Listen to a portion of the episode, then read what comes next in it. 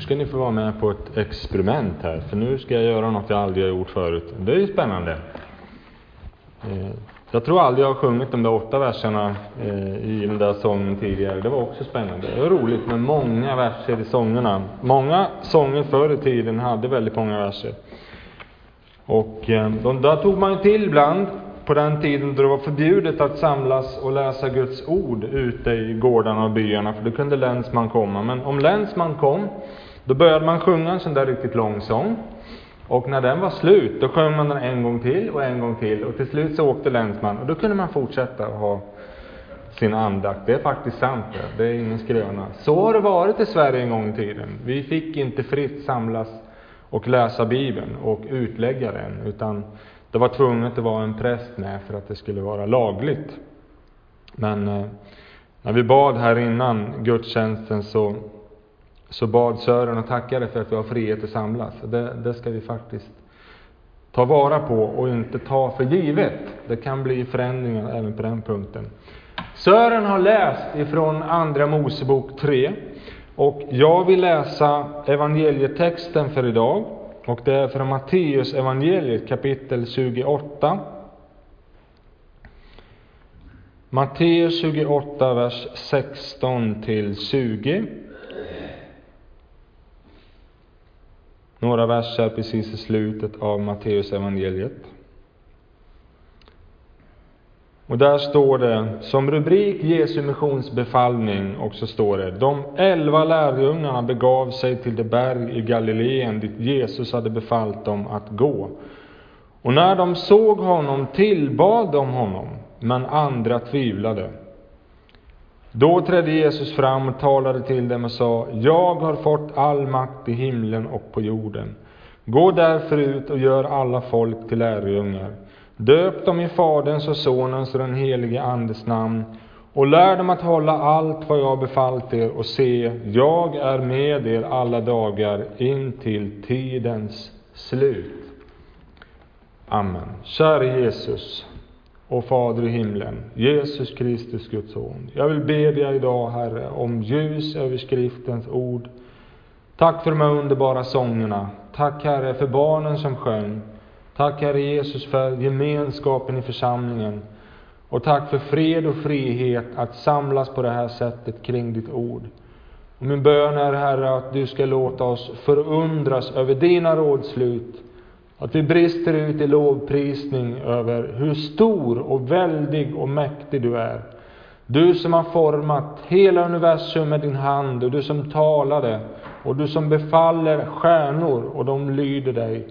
Prisat vare ditt heliga namn. Jag ber om ljus över skriftens ord den här stunden. Hjälp mig, hjälp mina åhörare. Och låt den helige Ande tala till oss. Vi ber om det i Jesu namn.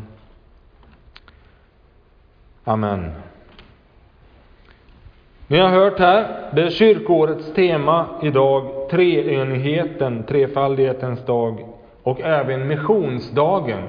Du ska tänka på missionen. Jag är normalt inte styrd av kyrkoåret, men idag kände jag att det blev så och därför har vi läst flera av dagens texter.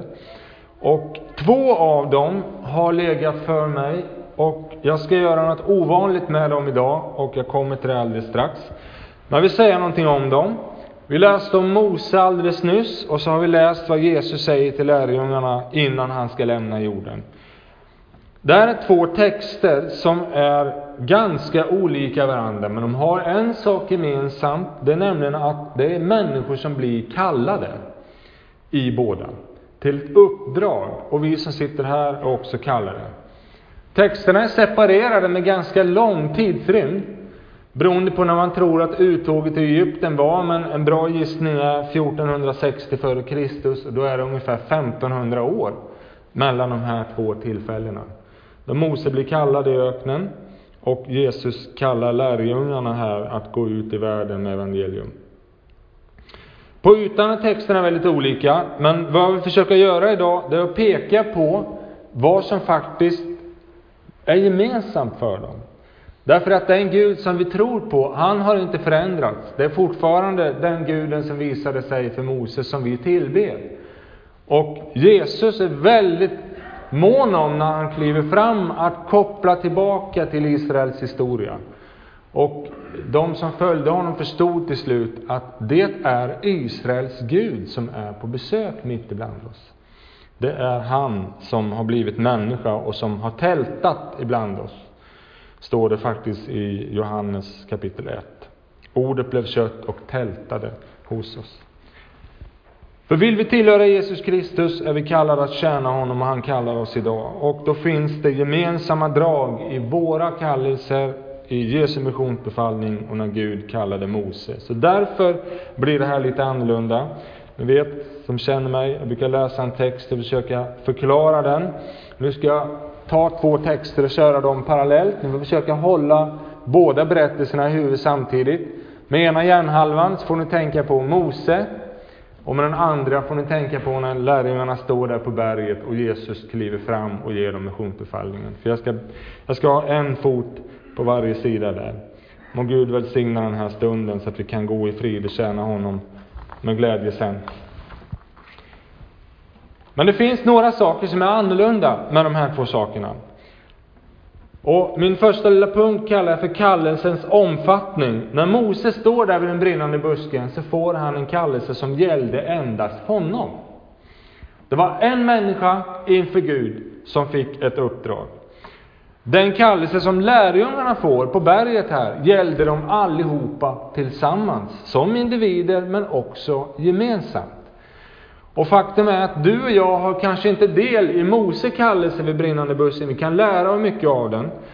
Men ska man placera oss i någon av texterna så är det Matteus 28 som gäller oss allra mest. För är vi Jesu lärjungar, blir vi döpta till Kristus och kommer in i församlingen, då gäller allting som Jesus har sagt till sin församling, det gäller oss automatiskt. Så att det är en stor skillnad här. Du har Mose som står ensam och får en unik kallelse i världshistorien. Läser du Moseböckerna så ser du att någon sån profet som Mose trädde aldrig fram i Israel igen.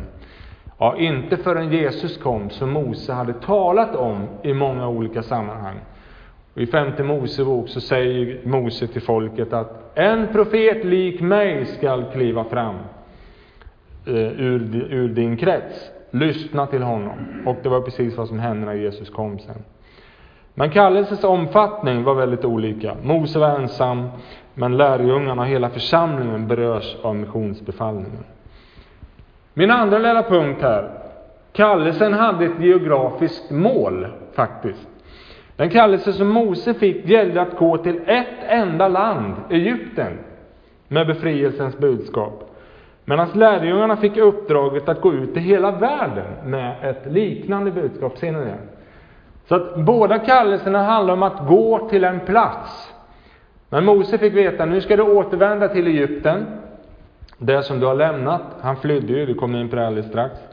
Men Jesus säger ju till oss, gå ut och gör alla folk till lärjungar.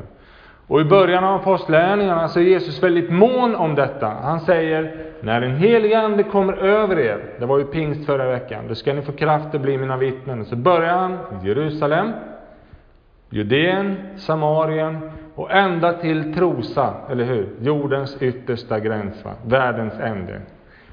Man kan skoja om det här, men egentligen ganska fascinerande. Jesus säger till världens ände, om de inte hade lyssnat den dagen, då hade vi inte suttit här idag.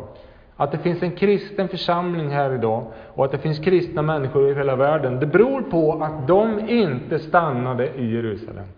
när anden kom, så gick de ut överallt. Och vårt uppdrag är detsamma faktiskt. Vi ska gå ut i hela världen. Nu har Gud placerat oss här. Men vi kan på olika sätt vara med i detta. Det kanske sitter någon här som kommer att bli kallad till missionär. Det blev Mose när han var 80 år. Hur många 80-åringar har vi här idag? Just det, det kanske är ni två som ska resa ut någonstans och tjäna Herren. Det vet man aldrig. Det här som är så märkligt, vi får tjäna Gud ända till han tar hem oss. För det märkliga också att när Mose uppdrag i Egypten var slut, så det säger Gud, du ska leda folket till ett annat land, och så beskriver han det här härliga landet då. Det är gemensamt med oss också. När du och jag tillsammans med alla kristna i världen har gått ut till alla världens länder och alla har fått höra evangeliet, alla har fått ta ställning till det på olika sätt, då ska slutet komma, Jesus ska komma tillbaka och vi ska lämna den här världen och gå in i ett annat land, himlen. Ser ni att det är likadant? Kallelsen handlar om att gå till en plats och ta med sig folk till något bättre. Och det är också vårt uppdrag. Vi är här i världen för att vi ska förbereda människor för det kommande himmelska landet. Så att både i fråga om Mose och oss och lärjungarna så har kallelsen ett mål. Vi går till en viss plats och vi är på väg till en viss plats som Jesus ska leda oss till. Den tredje lilla sak jag såg, det var att kallelsen hade ett specifikt budskap och var riktad till en speciell mål, målgrupp.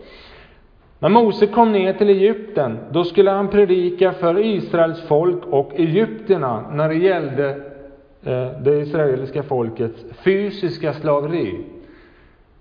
Något av de mest kärnfulla, mäktiga orden i hela Bibeln, det är när, när Mose kommer till farao, vad säger han? Så säger Herren, släpp mitt folk så att de kan hålla gudstjänst åt mig i öknen. Och den predikan fick Mose återupprepa gång för gång, och så fick han tala också till det israeliska folket och uppmuntra dem. Det du och jag ska predika när vi går ut i världen, det är att Gud vill sätta oss fria från syndens slaveri. Därför att Bibeln säger att den som gör synd är syndens slav. Det betyder inte att du och jag för att vara kristna behöver vara felfria. Men det är en sak att leva bunden i synden och en annan sak att vara på Guds sida i kampen mot den.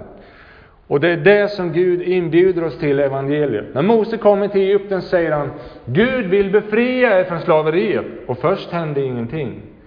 Och det blev värre först för dem. Det var, det var jobbigt för Mose där. Han, han ville ge upp många gånger. Men du och jag ska gå ut med ett annat budskap. Det finns befrielse och det är den som Jesus har vunnit på Golgata. Så där är det liknande. Han skulle dock bara rikta sig till sitt folk. Men när Nya Testamentets tid bryter in, då ska vi gå till alla folk och lära dem att hålla allt vad Jesus befaller dem och döpa dem. Det finns en skillnad och det finns en likhet. Men du jag ska också gå ut med det budskapet. Så säger Herren, släpp mitt folk.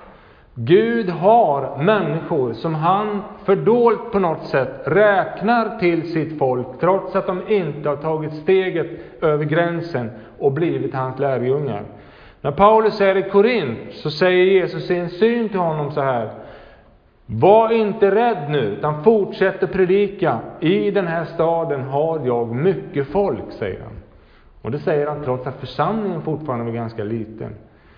Och det här tror jag, med det menar Gud att han rör sig fritt i tiden fram och tillbaka. Han vet vilka som kommer att omvända sig och komma till tro.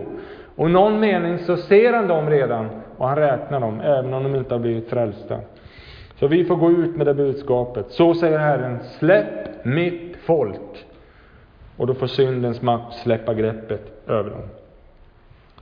Men sen var det några, några saker här som var väldigt, väldigt lika. Och Sören nämnde här att kallelsen var lite oväntad. Mose hade jobbat här 40 år för sin svärfar. Tänk bara det, det kan inte vara roligt. Va? Knega 40 år för sin svärfar. Det är inte ens sina egna, egna får han sköter. Och sen av någon anledning, speciellt tillfälle, så går han då rakt genom öknen och hamnar på berget Horeb. Det lustiga är att när Gud möter Mose och när Jesus möter lärjungarna här, så sker det på ett berg. Båda tillfällena. Vad läste vi i missionsbefallningen? De elva lärjungarna begav sig till det berg i Galileen dit Jesus hade befallt dem att gå. När, Jesus, när, när Mose kommer till berget Horeb får han möta Gud där. När lärjungarna kommer till det här berget får de möta Jesus. Och det var ett enskilt möte. Ser ni det? Mose var ensam där med Gud. Eller hur? Det var ingen annan i närheten förutom fåren då förmodligen. Och lärjungarna är ensamma här med Jesus. Och jag tror att det där är också viktigt. När Gud vill kalla oss till tjänst, då behöver vi ett enskilt möte med honom. Paulus möter Gud på Damaskusvägen. Hela hans liv vänds upp och ner. Och han får ompröva allting. Och när han sitter där i Damaskus så sänder Gud Ananias. Ananias ber för Paulus. Och Paulus får synen tillbaka. Och så vänder hela hans liv. Vad var det? Ett enskilt möte med Gud. När Petrus har förnekat Jesus, kommer tillbaka till det sen. Då står det på ett ställe att Jesus visade sig särskilt för Petrus. Vi vet inte vad som hände där. Men det var ett enskilt möte med Gud, där kallelsen blommade upp igen. Jag tror att Petrus hade gett upp. Och Mose, tror jag, levde med en kallelse också. När Stefanos predikar om det här som hände i Egypten, så säger han att Mose trodde att folket skulle förstå att han var den som Gud hade utsett. Så att Mose levde på något sätt redan i kallelsen. Men han gjorde fel. Han väntade inte in Guds tid, tog saken i egna händer. Ni vet, det slutade med katastrof. Han slog ihjäl en egyptier för att försvara en landsman. Och då kom den här långa landsflykten. Men någonstans när han går där i öknen så kanske han tänker, Gud, vad hände med det uppdrag du tänkte för mig? Och han kanske hade glömt bort alltihopa till och med. Han var nog inte helt säker på hur det var med det där. Men det var ett enskilt möte med Gud som förändrade alltihopa. Och båda de här tillfällena, både Jesu missionsbefallning och den brinnande busken i öknen, kommer trots att de som var med om det hade uppenbara brister i sin tro. Ser ni det? Jesu lärjungar står det här att andra tvivlade. En del av dem trodde inte ens på det de såg. Och när Mose kliver fram där vid den brinnande busken, så är han inte medveten om vem det är som visar sig. Han förstår det inte förrän Gud har varnat honom. Kom inte nära, detta är en helig plats. Då böjer han sig ner. Och Gud måste förklara för honom vem det är han har mött. Och jag var inne på det alldeles nytt. Den här kallelsen som de fick, Jesu lärjungar och Mose, den kallelsen drabbade människor som precis hade misslyckats kapitalt med det som var deras uppdrag. Mose var på landsflykt bort från Egypten på grund av att han hade tagit saken i egna händer. Och det kan hända att han hade gett upp alltihopa. De elva lärjungarna, Petrus inkluderad, hade förnekat Jesus, övergett honom och flytt därifrån. Då kommer Gud med kallelsen. När du och jag har trillat absolut djupast ner och misslyckats med allting, då kommer den brinnande busken. Och då kommer Jesus och kliver fram och så kallar han, gå nu ut i hela världen. Varför väljer Gud att verka genom människor som är fullständigt misslyckade ibland? Visst är detta märkligt? Men detta gör Gud för att visa att allt beror på honom och på ingen annan. Mycket, mycket viktigt.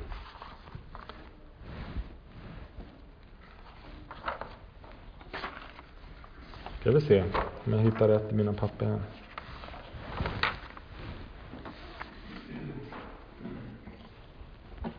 Det som var märkligt med det här också, det var att den här kallelsen kom mitt i vardagsbestyren. Mose vallade sin svärfars får som vi såg. Och lärjungarna begav sig hem till Galileiska sjön där de brukade fiska. I Johannes evangelium så står det att när de var där så sa Petrus, jag ger mig ut och fiska, följ med. Och så fick de möta Jesus vid ett senare tillfälle. Båda mötena leder också till tillbedjan. Mose tar av sig skorna och lärjungarna tillbad Jesus trots att några av dem tvivlade. Vem var det som kallade dem? Det är min nästa punkt här. Vem var avsändaren till kallelsen? Jo, vi ser att den personen har några intressanta karaktärsdrag. Det första jag ser det är att det är någon som har all makt som kallar. Mose mötte sina fäders Gud, Abrahams, Isaks och Jakobs Gud. Och några kapitel längre fram så säger Gud att vid mitt namn Herren hade jag inte gjort mig känd än för patriarkerna, utan de trodde på mig som Gud den allsmäktige. Ser ni det? Så att han som var i den brinnande busken, han är Gud den allsmäktige, Abraham, Isaks och Jakobs Gud, som kallar Mose. Vad säger Jesus när han kallar de elva lärjungarna? Och vad säger han till oss? Han säger, jag har fått all makt i himlen och på jorden. Ser ni likheten här? Va? När Mose blir kallad så säger Gud, jag är Gud den allsmäktige, den som dina fäder har trott på. Och när Jesus kallar oss säger jag har fått all makt. Så kallelsen bygger på att den som kallar oss har all makt. Och Sören läste här att Gud presenterar sitt namn, det som vi brukar översätta med Herren, säger han, jag är den jag är. Guds namn i Gamla Testamentet är en, ett verb som i någon mening kan översättas som att det är någon som alltid existerar, det är någon som är evig, det är någon som har liv i sig själv. Och det är någon som är oföränderlig. Hebreerbrevet säger Jesus är densamme igår och idag, så och i evighet. Och Jesus applicerar det här namnet på sig överallt i hela Johannes evangeliet och säger Jag är livets bröd. Jag är vägen, sanningen och livet. Och vad säger han här då? Jag är med er alla dagar in till tidens slut. Så det kommer tillbaka här också. Mose fick höra, jag är med dig. Jesus säger, jag är med er alla dagar inte tidens slut. Och den som visade sig i busken och Jesus också på berget är väldigt medveten om hur människor har det. Och det är därför han agerar på olika sätt. Gud, när Gud visar sig för Mose säger han, jag har sett hur mitt folk har det, därför sänder jag dig för att befria dem. Deras klagorop har stigit upp till mig. Varför sände Jesus Gud, Gud Jesus till världen? Han älskade den, han såg att den satt fast i synden och han agerade för att göra någonting. Så att den som kallar oss är någon som ser. När Jesus såg folkskarorna vid ett tillfälle så står det att han blev djupt berörd. Därför att de var illa slagna som får utan herde. Och där kommer fåren tillbaka också. Så den som kommer med kallelsen till oss, han har all makt, han är evig och oföränderlig och han har sett människans problem och vill göra någonting åt det. När vi får kallelsen så får vi också löften både i Moseboken och i missionsbefallningen här. Så jag var inne på det alldeles nyss. Mose fick höra, jag är med dig. Eller hur? Och lärjungarna fick höra, jag är med er alla dagar. Alltid. Jesus kommer aldrig att överge oss. Och det här är en tröst för oss när vi ska gå ut i tjänst för Herren, för vi känner att våra egna förmågor är väldigt begränsade. Visst är det bra att veta då, han är med oss. Han går med oss. Han lämnar oss inte ensamma. Han säger inte så här, nu ska vi se hur du klarar dig själv. Inte alls. Han går före oss och visar vägen. Och när du och jag ställs inför problem och svårigheter som vi inte kan hantera, då talar han till berget och det jämnas till vägmark, till, till jämn mark framför oss. Det är den som har all makt som är med oss. Det andra löftet Mose får, det är som ett tecken. Han säger, ni skall fira gudstjänst på detta berg, säger han, när du har fört folket ut ur Egypten. Vad är det för gudstjänst vi ska fira? Ja, vi firar ju här. Vi firar gudstjänst överallt. Men det är en dag, mina vänner, då vi ska fira den sista gudstjänsten, kan man väl säga. Den eviga gudstjänsten, den som aldrig kommer att ta slut. Det är vårt tecken när vi kommer hem till himlen, får stå där inför tronen och lovsjunga Gud och Lammet. Vi talar om treenigheten här. Gud sitter på tronen, Lammet står vid hans högra sida och så är det Guds sju andar som brinner som sju facklor. I den miljön ska vi få fira den gudstjänsten och det blir tecknet på att Gud står vid sina löften för oss också.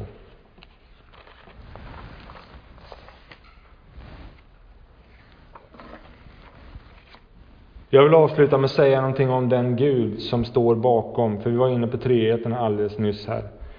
Det vi ska lära oss att förstå det är att den Gud som kallade Mose och den Jesus som kallar lärjungarna och kallar oss är en och densamme. Jesus säger i Johannes evangeliet på ett ställe, jag och Fadern är ett. Och ordet ett där betyder sammansatt enhet som inte kan brytas eller tas isär. Det lustiga är att när Jesus säger här, gå ut i hela världen och gör folk till lärjungar, döp dem i Faderns och Sonens och den helige Andes namn. Då nämner Jesus de tre personerna i gudomen, alla tre. Fadern, Sonen och Anden. Och det lustiga är att ordet, att ordet namn som kommer i slutet där, det står i singularis. Vad betyder det? Det är tre personer i gudomen, de delar ett och samma namn. Det är samme Gud som bodde i busken och det är samme Jesus som kallar oss och det är samme helige Ande. Och Jesus tillämpar det här på sig själv. Vi läser också i Filipperbrevet 2 och 11 att när vi kommer hem en dag, och dess, dessutom innan det, vid den yttersta domen, det står det att alla knän ska böjas och varje tunga bekänna vad då? Att Jesus är Herren. Jesus är jag är. Jesus är han som var Guden allsmäktige. De är ett. De är tre, men de är ändå ett. Det är omöjligt att begripa. Men du ska tänka så här, om någon ifrågasätter det, ska du tänka så här. Om Gud inte vore tre, och samtidigt ett, då skulle Gud inte kunna vara kärlek. Därför att man kan inte älska om man inte har en relation med någon. Och Gud var kärlek redan innan han skapade universum. Hur skulle de kunna vara det? Jo, han måste vara fler än en i sig själv. Och det, det ser vi när Gud skapar världen. För det lustiga är att det hebreiska ordet för Gud, Elohim, står i en pluralform. Gud sade. Och den pluralformen är väldigt märklig, för den betyder tre eller flera. Men verbet som står efteråt, det står i singularis. Här har du tre personer som handlar som en.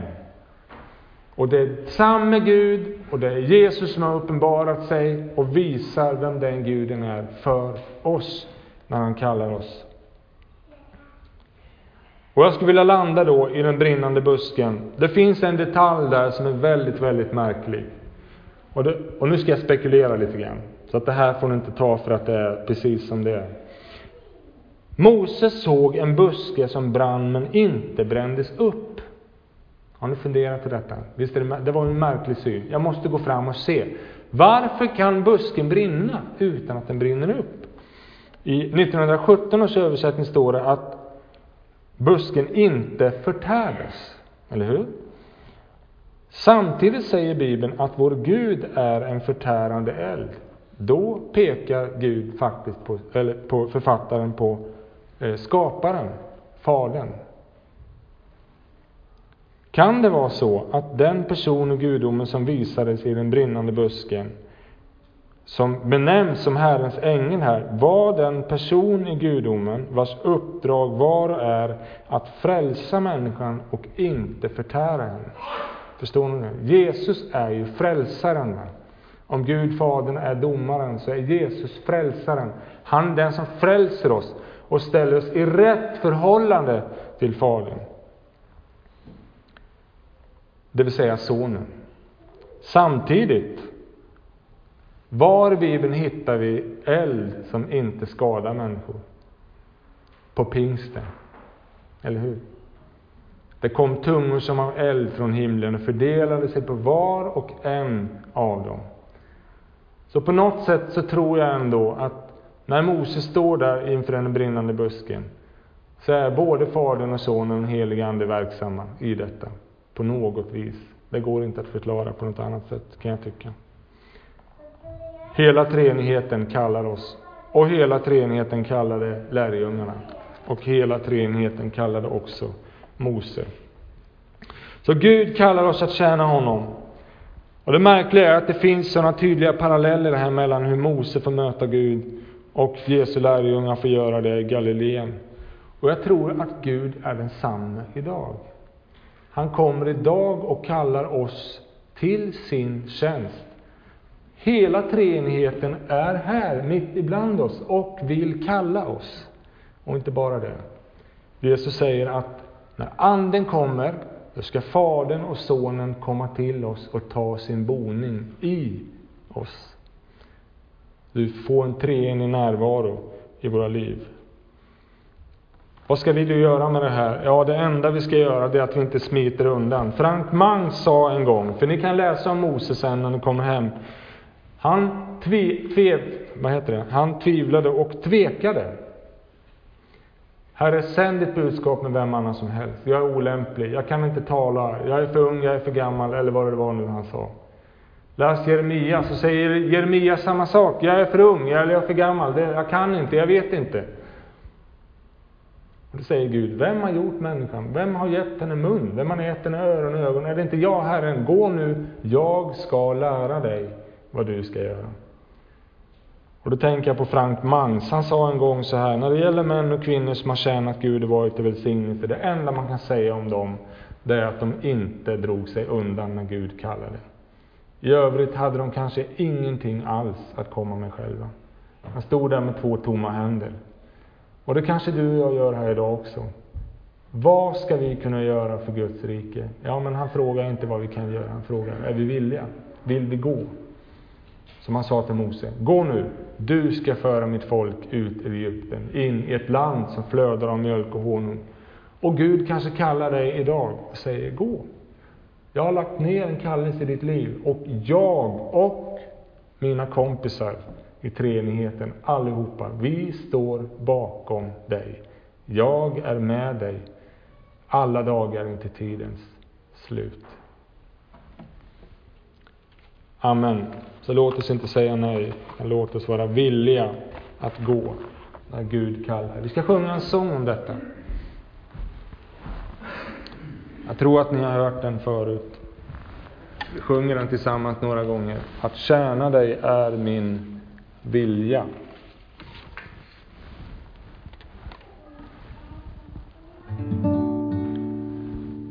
Att tjäna dig är min vilja. Att få höra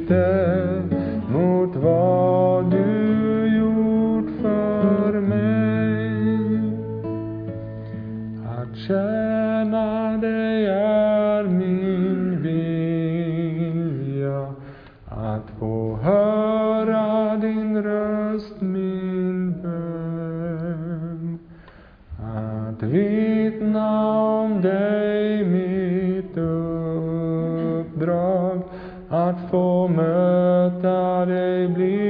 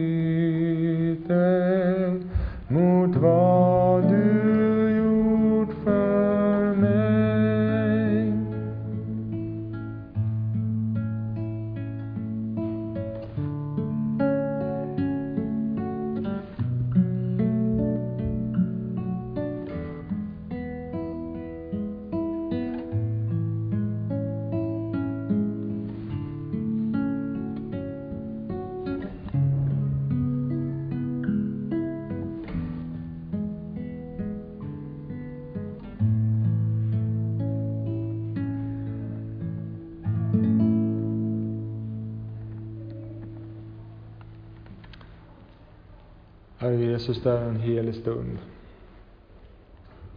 Tack för din kallelse, Herre Jesus. Tack att du valde så enkla människor, fiskare, skatteindrivare, sådana som befann sig i utkanten av samhället och varken hade pengar, inflytande eller några särskilda gåvor. Men de tog du ut. Och du mötte Mose, här vid den brinnande busken, en människa som en fåraherde, som hade förlorat sin ställning i Egypten och som hade flytt för sitt liv. Och tack att du kallar oss här idag, vi som sitter här och som också kanske saknar allt av mänsklig kapacitet och resurser. Men tack att du inte frågar efter vad vi kan, vad vi har. Du frågar inte ens efter vår bakgrund, våra misstag. Det enda du önskar är att vi ska vara villiga. Och jag ber dig, Herre, att du ska ge oss villighetens ande idag när du kallar oss. Tack Herre för att du har en plan med Runtuna. Du har förberett saker som ska hända här i höst. Och du vill sända människor hit som ska få möta dig och bli frälsta och döpta och komma med i församlingen.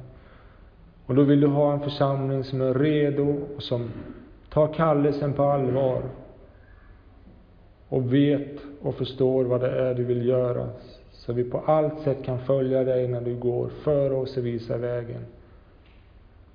Jesus, jag vill prisa dig. Vi överlämnar våra liv i dina händer den här stunden i Jesu namn. Amen. Amen. Tack Jesus.